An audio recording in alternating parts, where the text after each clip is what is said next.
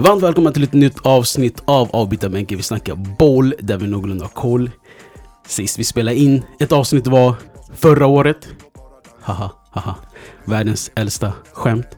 Men någon som inte är ett skämt är min Bramka. Han är äkta hela vägen. Mustafa Ativi Wata Wagwan. Välkommen till årets första avsnitt.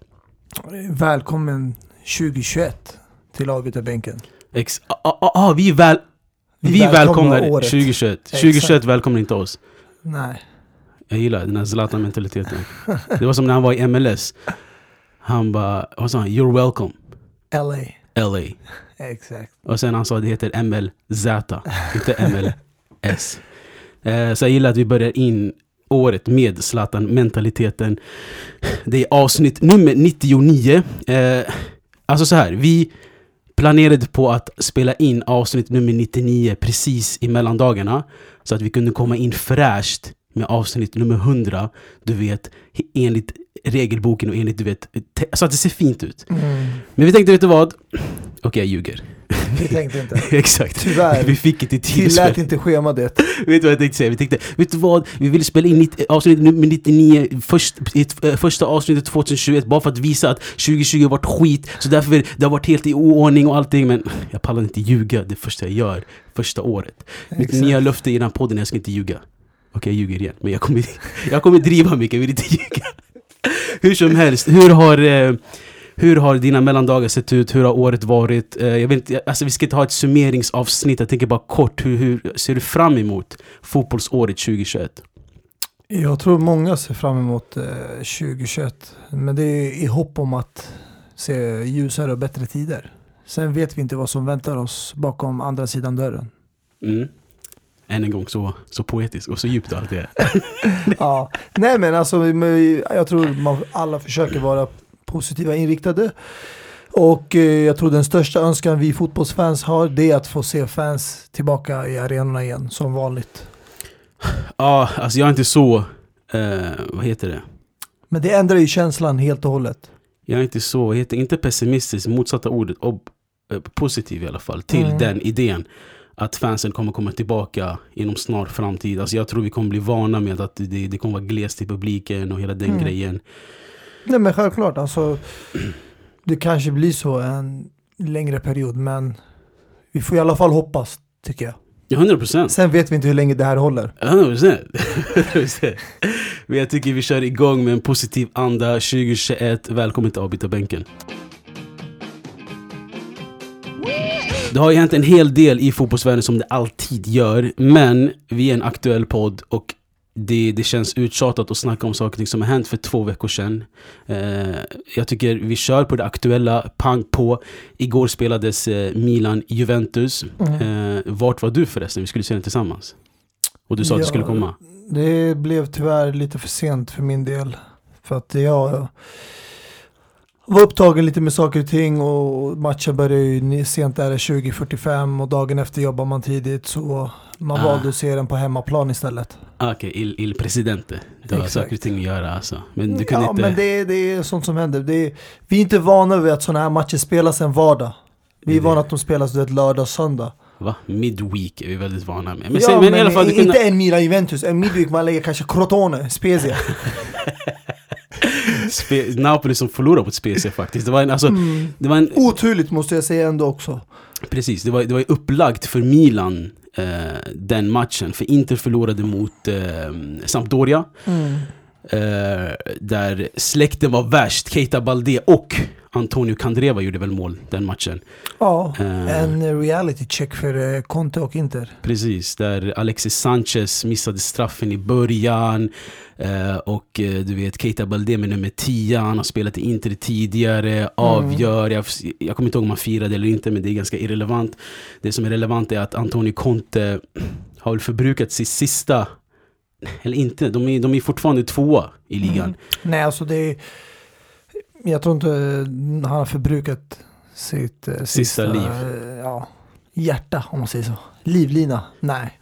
Han kommer klara sig fram till slutet av säsongen men sen beror det på hur det dalar framåt. Men det här är ju hans sista hopp om att behålla jobbet. Det är vad jag anser i alla fall. Eh, ingenting annat är godkänt om inte han tar hem ligan. Ja men alltså grejen är, när, när man frågar runt Interfansen, inte som att vi, vi har många Interfans som vänner, Mm. men jag, jag känner två i alla fall. En av dem är Abbas, våran vän.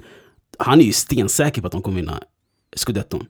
Ja, men de borde göra det. Jag tycker alltså det är, Jag ser dem också som favoriter eftersom Juventus har en ny tränare. Ett eh, nytt lagbygge kan man säga, mer eller mindre.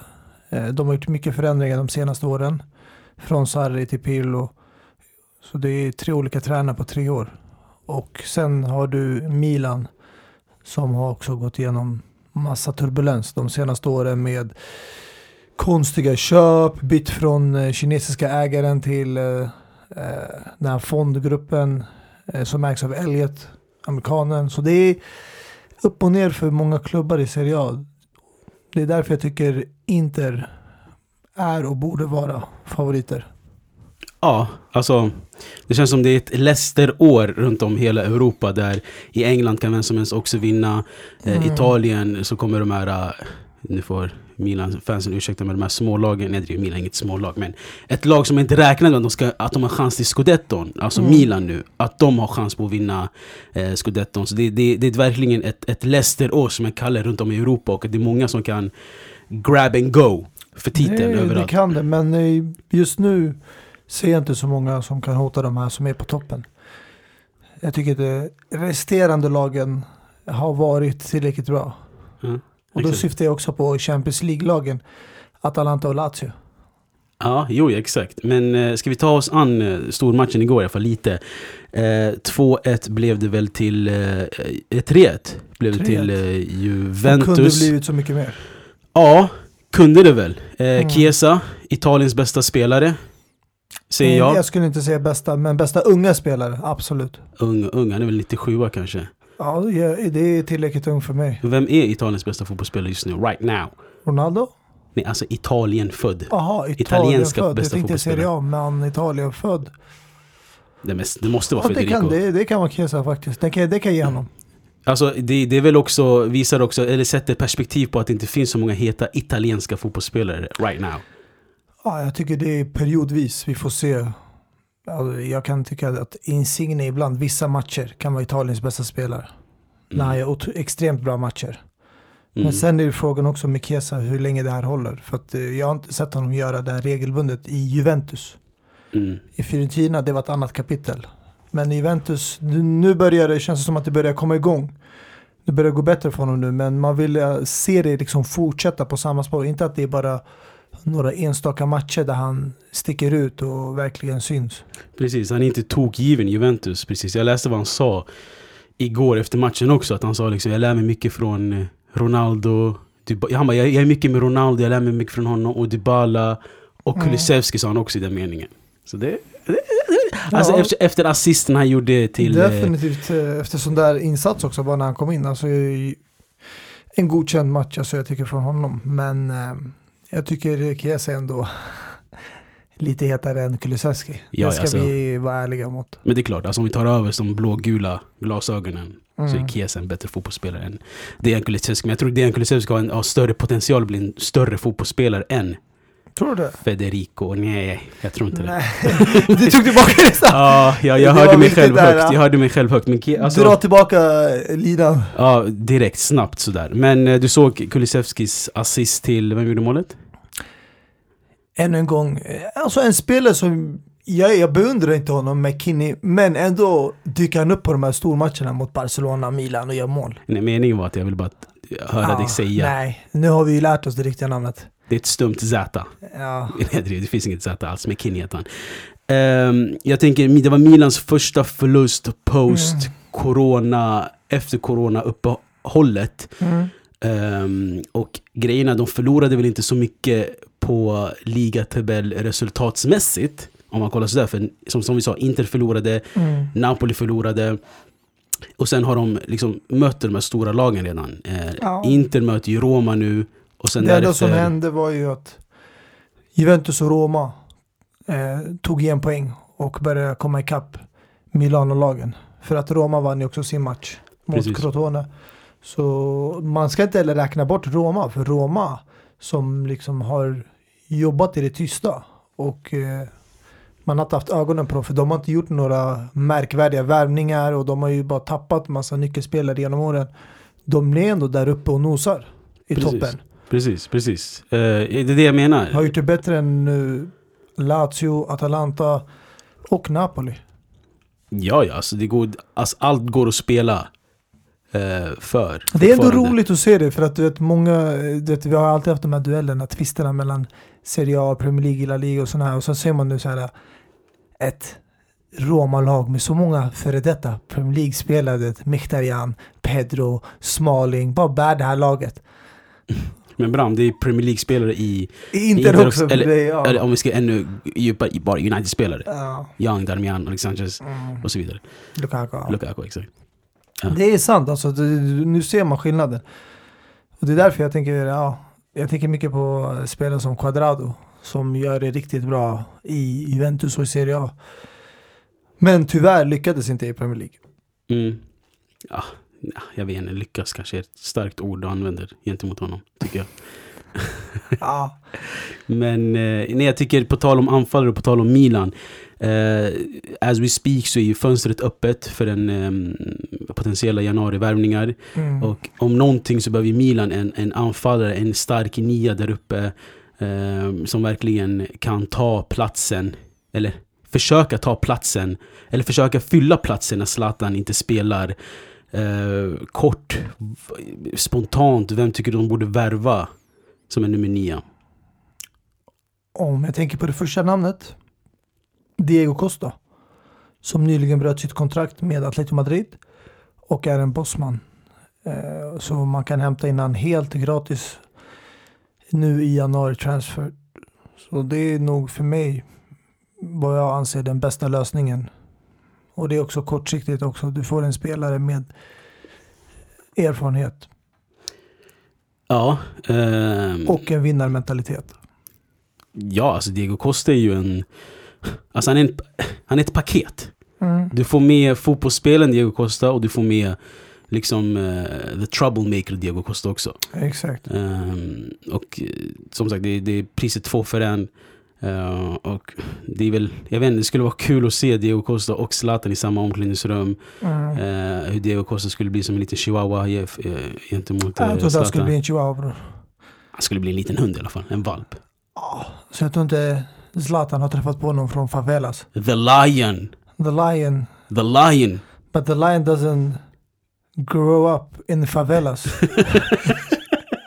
Diego, alltså Diego Costa om han var riktigt favelas, han skulle stanna kvar och spela i brasilianska landslaget. Men som en liten chihuahua han gick till spanska landslaget. ja, men han, det, att, han har sina eh, anledningar så jag tycker inte vi ska gå in på det. Ja, nej ja. exakt. Eh, ja, det är ju, jag vet inte, du har fortfarande sympatier kvar till Diego Costa antar jag.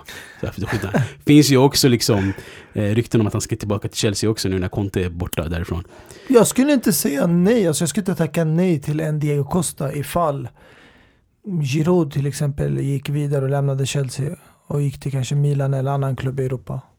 Och det blev en ledig plats i truppen. Jag skulle ta emot Diego, alltså Diego Costa med öppna armar. Helt ärligt. Ja, alltså jag, jag älskar Diego Costa. Eh, när han inte har på sig den blå, blå tröjan. Mm. Ehm, jag tänker på... ehm, jag tänker på, exakt, Olivier Giroud till Milan hade också varit någonting som kan, du vet, eh, fylla du vet, luftrummet där uppe. Han är ju Mm. en av världens bästa huvudspelare i, i, i luftrummet. Eller en av världens bästa spelare i huvudspelare i luftrummet. Det är samma sak jag säger här nu. Ja. Klockan är faktiskt 20 eh, 21.02 eh, denna kväll, torsdag kväll. Därför vi lite svamlar. Hur som helst, skit i Milan, skit i, skit i alla de andra. Eh, Jag tänker på om vi, om vi surfar vidare på, på, på, på, på den italienska ligan och alla de här eh, spelarna som ryktas höger och vänster. Finns det en spelare som har på sig idag blårandigt. Men eh, det snackas om att det, det, det, det kommer inte vara så längre. Jag snackar såklart om Papo Gomez som haft en dispyt med tränaren eh, Gasperini. Mm.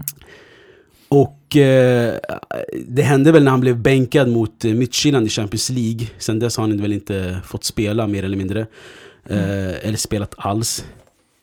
Och eh, han sa på Instagram, Gas- eh, vad säger jag, Papo Gomez sa Kära fans, jag har skrivit till er här eftersom jag inte har något annat sätt att kunna försvara mig eller prata med er. Jag vill bara säga till er, jag vill bara säga att när jag lämnar kommer ni få veta sanningen om allt. Ni känner mig väl, ni vet vem jag är, jag älskar er.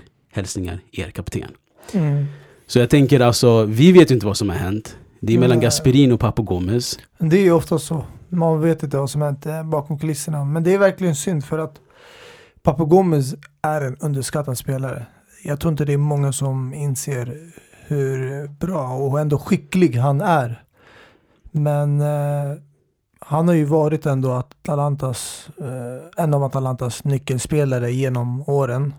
Och har varit med det här Gasperini-bygget sedan början.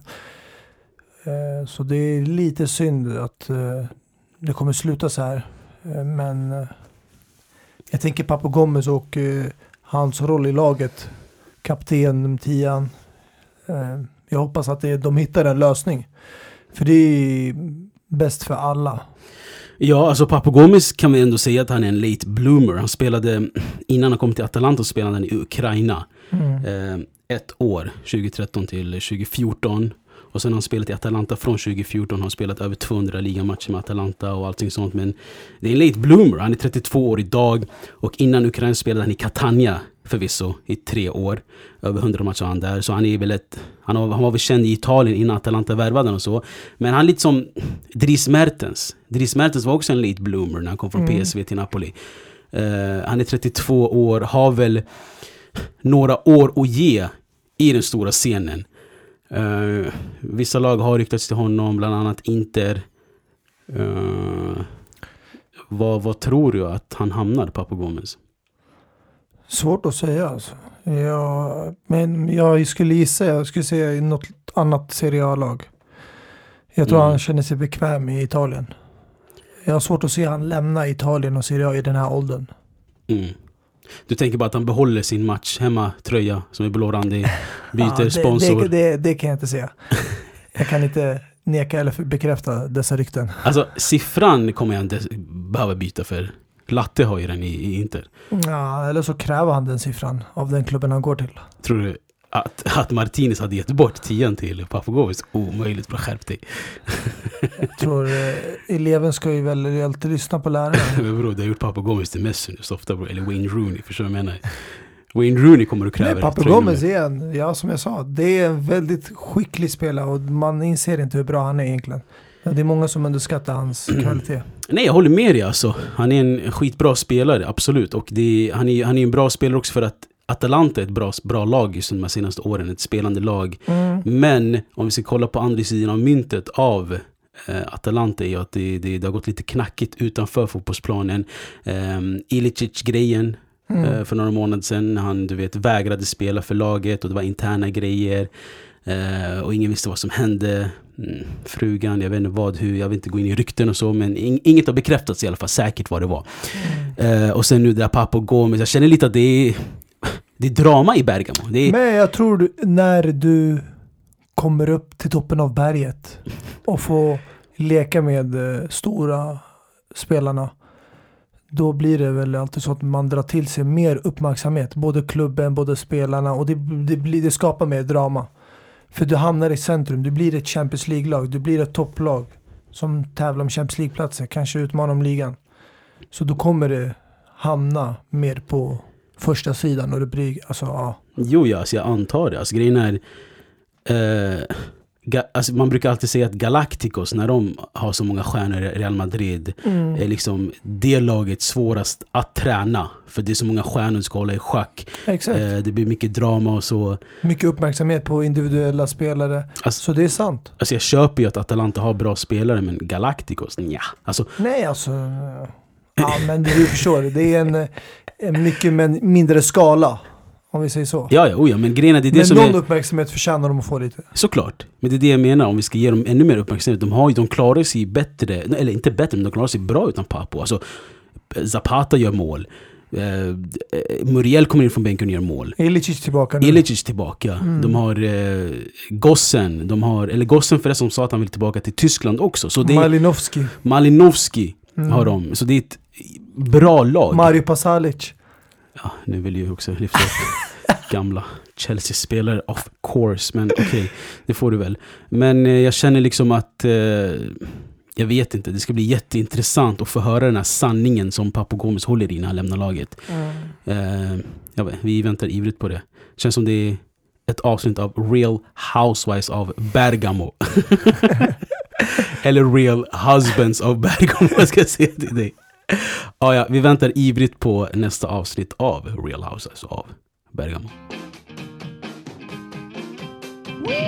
Jag tycker vi fortsätter på temat att det går dåligt och mm. vänder blickarna mot eh, de brittiska öarna och eh, specifikt London och specifikt Londonklubbarna.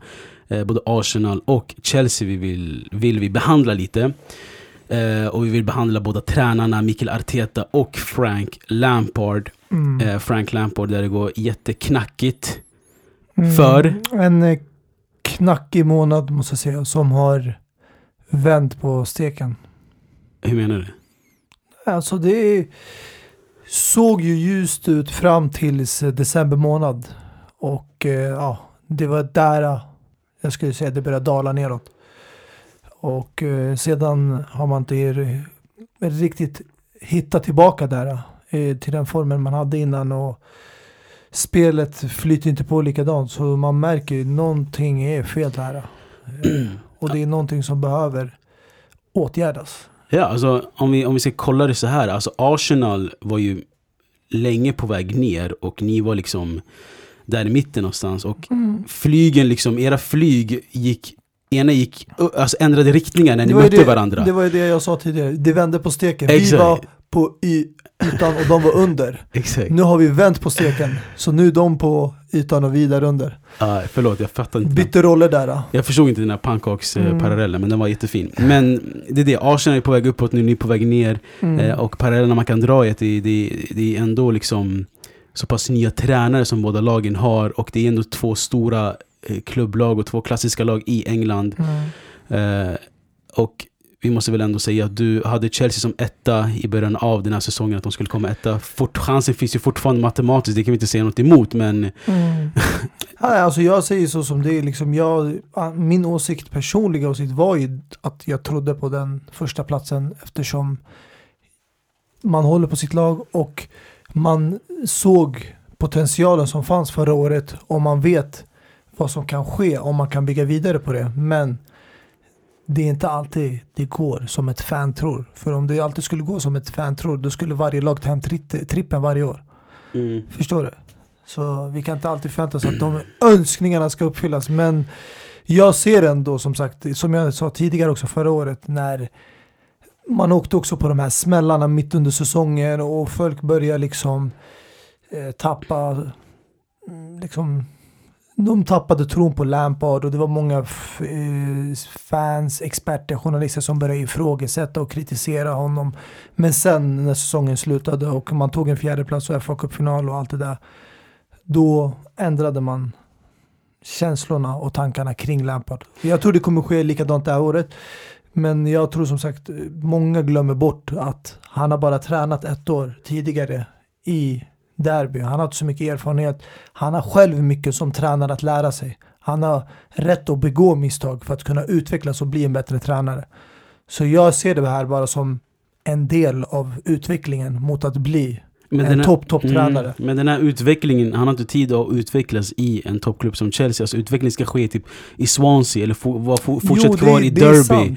Eller ja, typ... han, alltså han tog ett tidigt steg. Det där är, eh, kan vi alla hålla med om. Det är inte många som hoppar efter ett år ja. inom träningkarriären i ett mindre lag i en lägre division till ett topplag. Nej, alltså jag menar, jag som din gamla du vet, mittfältskollega Steven Gerrard tar ta över typ Rangers, som Gerrard gjorde, en, en klubb som är så pass stor men ändå inte har så mycket fokus som Premier League har. Han kan ändå du vet, spela i alltså den högsta ligan. Jag ska vara helt ärlig, jag håller med dig.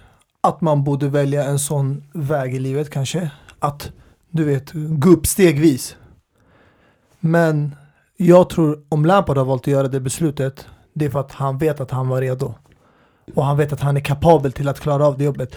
Men som sagt, det krävs mycket liksom tålamod och eh, förståelse för att det är inte bara han som är ny i klubben också. Det är väldigt många nya spelare i klubben och det kommer ta tid för dem att lära sig spela ihop mycket bättre och utvecklas själva individuellt för att sen skapa ett bättre lag. Men det är Alltså det, är, det, det, här är bara små slag på käften, de här förlusterna. Jag fattar, men det är det jag vill komma in till också. Jag vet att du vill ivrigt gå till Arsenal och snacka om dem, men vi landar lite till i Chelsea. Nej, alltså Arsenal som sagt är samma sits. De är i samma båt. Jag vet, men du var inne i en intressant grej där att eh, det är många som är nya i laget, inte bara Frank Lampard. Mm. Och grejen är, jag, jag har alltid sagt att det bådar inte gott för något lag att värva så här många spelare på en det, gång. Det här, då, gör typ, det här gör typ ett nytt lag i England som Fulham gjorde för förra året, eller för förra förra året när de hämtade Shirley och alla de här grabbarna. Mm. Eh, de hämtade mm, den här mittfältaren från eh, Lille, vad fan hette han? Franska? Eh, Sar. Sar, exakt. Mm. Hette han Sar? Ja, i alla fall. Så jag menar, det där, det där är så här smålagstänk. Du vet, att, att man värvar på en gång, spelar Fifa, FM-tänket. Alltså jag tänker, Chelsea behövde inte typ så Kai Havertz. De behövde inte... Seri, förlåt hette han. Seri. Seri, exakt. Jag tänkte på Malang Sar och Ismail Sar. Exakt, jag tänkte också, mm. det kan inte heta Sar, men exakt Seri. Jean Michael Seri heter han till och med. uh, men det är det jag menar, alltså typ Werner håller på att bli en Chelseas Shevchenko när han var som, som sämst. Nej, alltså, uh, som sagt. Eller Fernando Torres. Förstår du vad jag menar? Alltså, jag, jag gillar jo. Werner, men Werner har spelat i typ tio olika positioner i Chelsea. Jo, men det är, många glömmer bort det att den här coronadrabbade säsongen du kollar på andra lag, Liverpool. Tycker Liverpool har varit den standarden de brukar ha? Nej. Och Liverpool har ett lag som har spelat ihop med varandra nu i flera år. Vunnit Champions League, ligan. Men har de gjort det bra i år? Men du kan inte ta Liverpool som en... Men som en... har du... Tror du folk där ute tycker Liverpool har levt upp till deras förväntningar? Jag tror inte någon. Men de har förlorat sin bästa spelares defensiv, Virgil van Dijk. Senaste matchen spelade två mittfältare som mittbackspar. Jordan Henderson och Fabinho spelade som mittbackspar. Och i City. Har de levt upp till förväntningarna man har på dem den här säsongen? Nej det har de inte, men de är på väg uppåt och jo, jag tror fortfarande City kommer ta hem det. Jo, jo, men det jag försöker komma fram till är att det här är lag där du har spelare som har spelat med varandra i tre till fem år. De har två tränare som har otroligt mycket erfarenhet. En från Tyskland, en från Tyskland och Spanien. Så de sitter på mycket erfarenhet. De har coachat tidigare topplag, Dortmund, Bayern München, Barca och de har ett erfaret rutinerat lag som har spelat med varandra länge.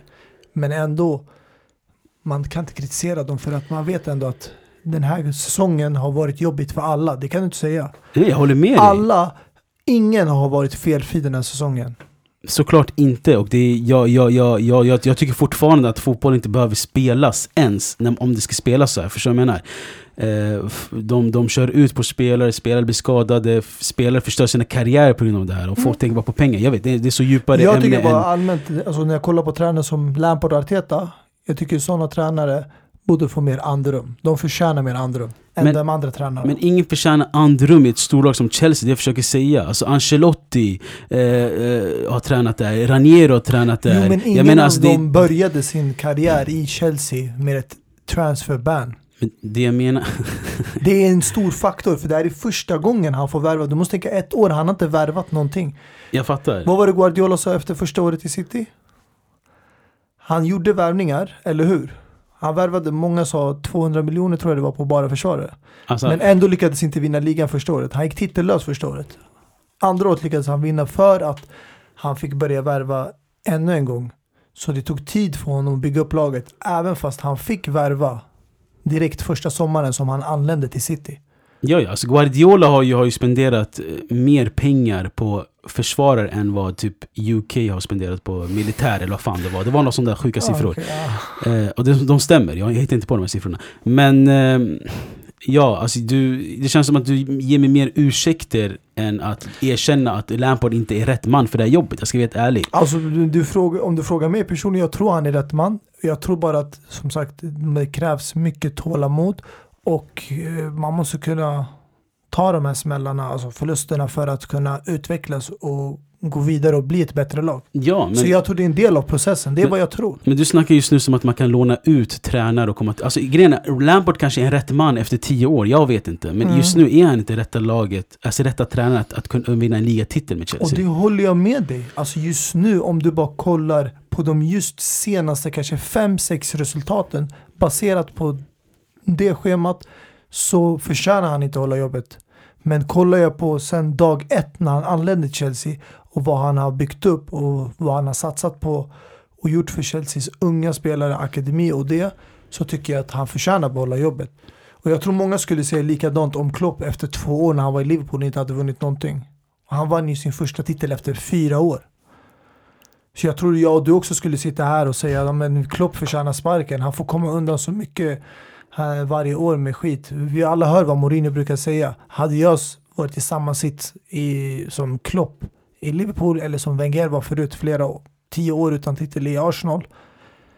Jag hade inte varit kvar på samma alltså, arbetsplats. Jag hade inte varit kvar i samma klubb. Han hade gått vidare.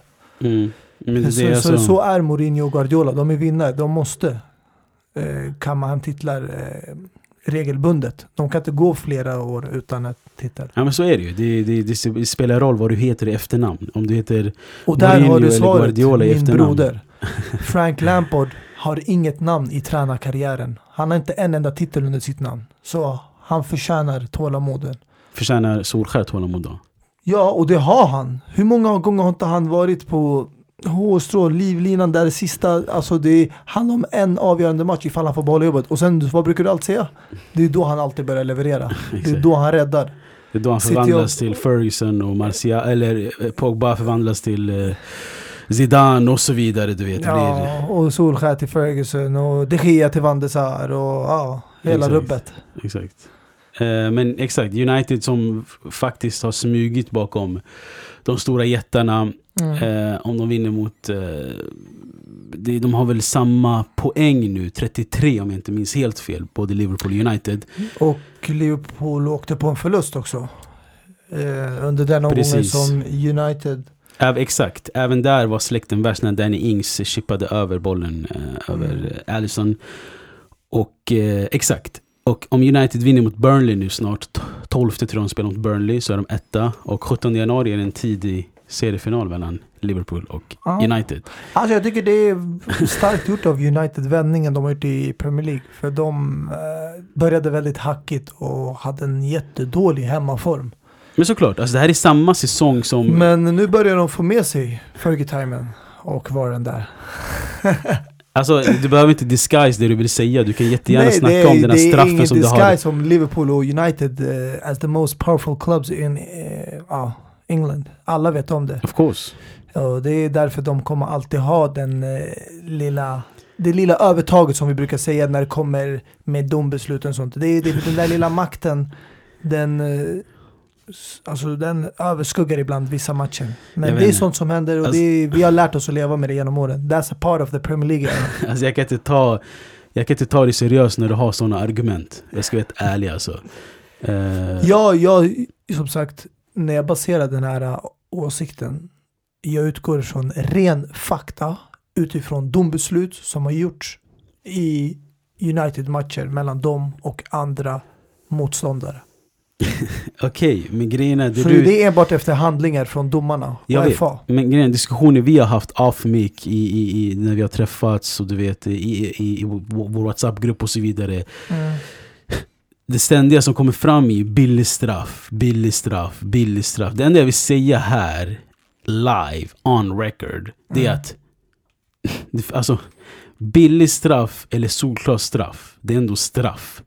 Förstår du vad jag menar? Nej men det, det har jag inte sagt Nej, men det, emot. Det. Jag håller med dig om det. Så, så grejen varför argumentera om att det var billig straff? Det var ingen billig straff. Det var ingen straff alls. Det var så klumpigt att man ens snubblar på sitt eget ben. Men det blir ju ibland så när man har långa spagettiben. Alltså sånt hey, kan ju hey, hända. Nu, nu, nu börjar du bli personlig bror. Nu, nu börjar alla du gå in i Har man en lång lina då kan det ske trassel. Förstår du? men, vad fan har Pogba gjort det? Jag fattar inte. Men lyssna. Det, alltså, straff, för vi pratar ju självklart vet, om straffsituationen. Jag, jag, jag vill snacka om begreppet billig straff. Om mm. det är straff så är det straff. Det kan vara billigt, ja. No, det kan vara solklart jag, jag, jag kan säga till dig så här. Alltså det bästa, alltså det är Aston Villa som United fick den här straffen mot. Hade en liknande sekvens i Chelsea-matchen. Två gånger innan när Chelsea spelade 1-1 hemma mot Aston Villa. Där eh, mittbacken Konsa gjorde ett liknande stryp eller choke. Han eh, tog eh, tag i Giroud på samma sätt som Maguire gjorde med Aspelkueta i United-Chelsea-matchen. Och man fick inte straff. Och enligt alla eh, experter, journalister, vad jag fick höra och eh, kollade liksom på kommentatorn och studion efter så var alla överens om en och samma grej och det är att det där borde vara ett straff. Och samma sak när vi Chelsea mötte United, att det borde vara ett straff. Två veckor senare United möter Aston Villa och den där sekvensen sker och de får straff för någonting som är inte straff. Det, då börjar ju jag ifrågasätta FA-domarbesluten, det måste du förstå. Jo, det får du, det får du göra. Du får och tänka jag, hur du, du vill. vet själv att jag är inte ensam om det. Det är många som delar den här reaktionen med mig. Du har Charlie Austin, före detta spelare i Southampton. Du har Esposito, det, tränaren från Wolverhampton. Du sa till mig... Nuno Esposito. Ja, jag trodde du menade Inters Nej, nej. eh, es- es- Esposito. Nej, Ja, du kan säga Ness. Ness. Nuno exakt. Espirito Santo. Ja. Så, Eh. så, det är många som har delat med mig den frustrationen över vissa domare och kvaliteten på liksom besluten som de tar. Ibland börjar man ifrågasätta om de här ens håller Premier League-kvalitet. Eller de här borde bli nedgraderade till lägre divisioner eller kanske till eh, annat land i Europa helt ärligt. Mm. Nej, det enda, jag vill, det enda jag vill avsluta med det här segmentet med... ehm, eh, nu kom vi inte in, alltså vi kan kort snacka om Arsenal också, Arteta och så. Eh, för vi sa att vi ska snacka om Arteta och Arsenal. Ehm, Arteta, alltså det, den här diskussionen hade sett annorlunda ut om vi hade spelat in för två veckor sedan kanske, eller för tre veckor sedan. För en månad sedan, eh, som jag sa till dig, då hade du vänt på steken. Då hade man grillat Arteta och haft eh, Lampard på ett silverfat. Och nu? Men nu är det ju tvärtom eftersom resultaten har ju varit det motsatta för båda klubbarna. Det ser Mm. väldigt ljust ut för Arsenal eh, som har bara liksom kammat i hem vinster de senaste veckorna och för Chelseas del så har det bara blivit en vinst på sex matcher och det är oacceptabelt. Mm. Så Arteta kan sitta lugnt i båten nu eller? För tillfället, ja. Men du vet själv vad folk sa för en, två månader sedan. Folk började prata om att det var en tabbe att sparka Unai Emery och att man, han hade ju mycket bättre stats än vad Arteta har Exakt. under sin Arsenal-tid med lika många antal matcher. Så Mm. det du, du ser liksom känslorna. Det är därför jag säger man ska inte dra snabba slutsatser. Man ska inte kolla kortsiktigt på det här för att det här är unga tränare, det är unga lag, många talanger, unga spelare. Man måste ha ett långsiktigt tänkande och förståelse för att det här kommer ta tid. Du kommer få sömnlösa nätter. Men det är for the future. Det handlar bara om att brösta det och gå vidare. Jo, exakt. Alltså, ja, alltså jo, men jag tänkte bara på... Um, vad tänkte Vad brukar på? man säga? Hitta ljuset längst in i tunneln, svarta, eller hur? I mörkret. Ja, jo, oh ja. Eh, ja, ja, jo, jo, det säger man ju. Men ja. Det tar tid, men Ja. du kommer komma till andra sidan. Exakt. Det, det, det jag ville säga, eller det jag vill avsluta det här med, eller vi, alltså det är... Om vi leker tanken nu med att Mm. Lampard inte fortsätter i Chelsea. Om Du- inte han fortsätter, då vill jag ha Leipzigs tränare.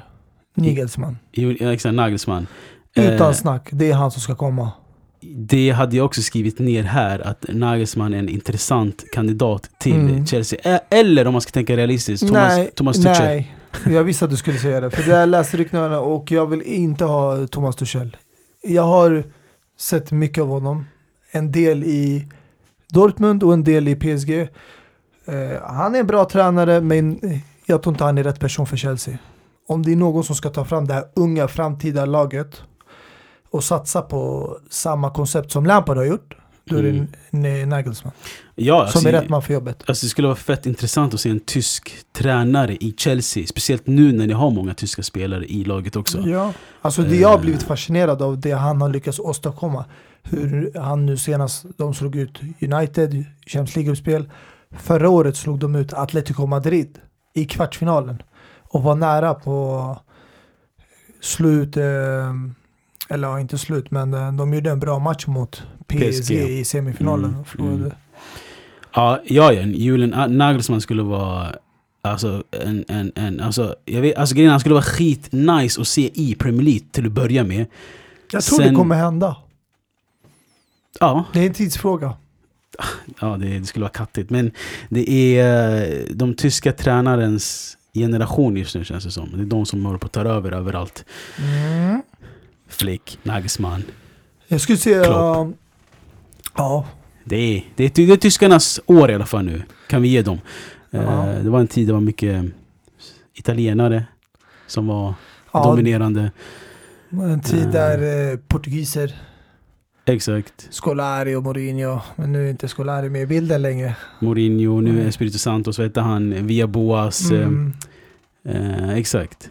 Eh, men ja, precis. Men engelsman har aldrig haft den där dominansen som tränare.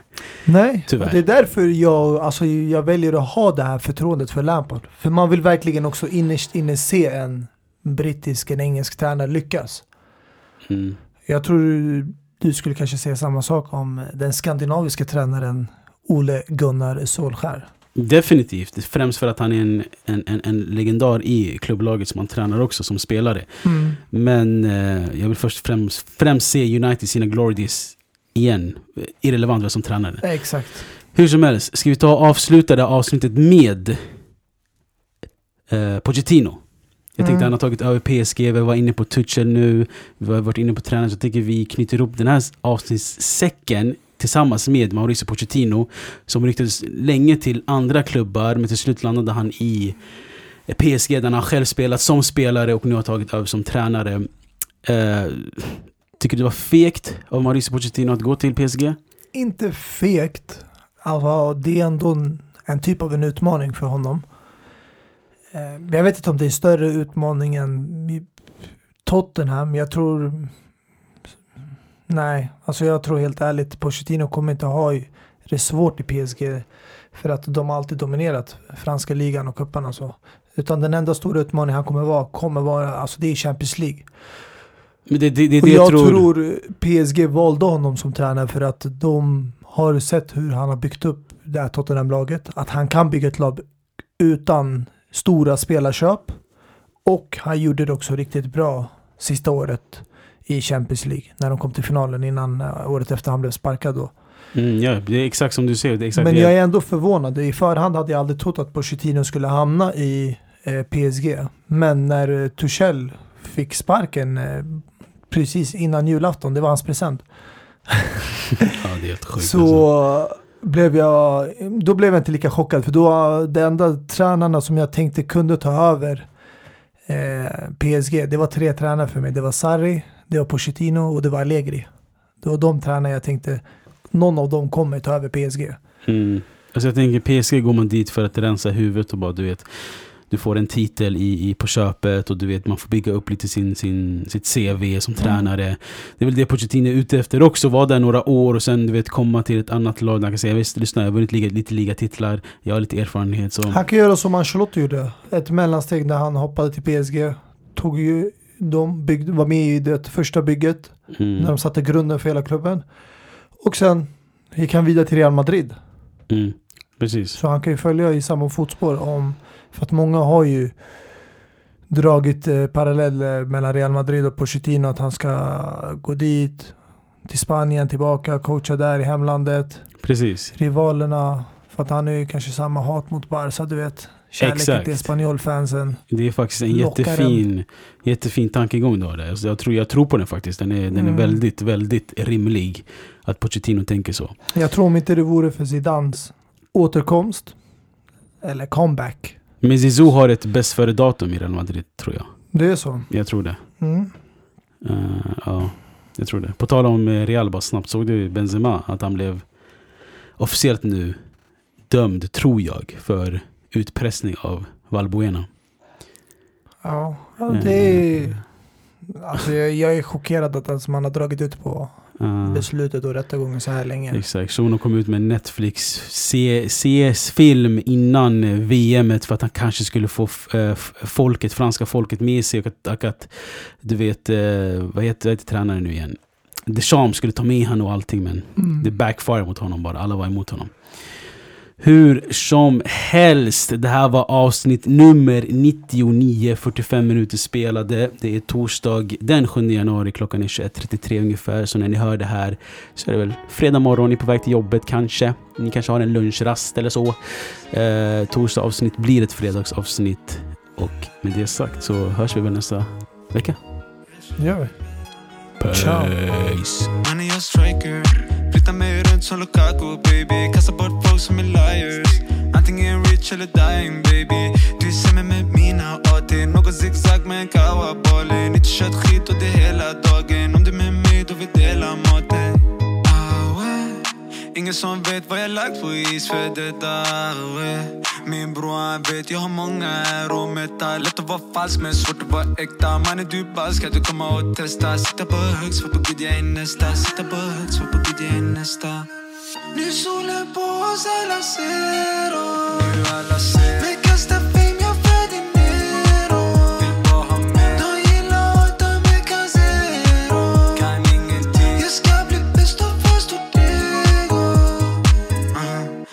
siktar bara på att bli rich. Vill ha Mazzi, tid för någon bitch? Superstar, jag är money Mitch. Kom till min bas, det är 36 Introvert, aldrig varit utåt. Fråga myndigheten när man hittar min Pluto Trip to hard, röda kilo. Vill du ha lampa, här du hittar mig ufo Som sagt, det är en annan värld, jag är inte som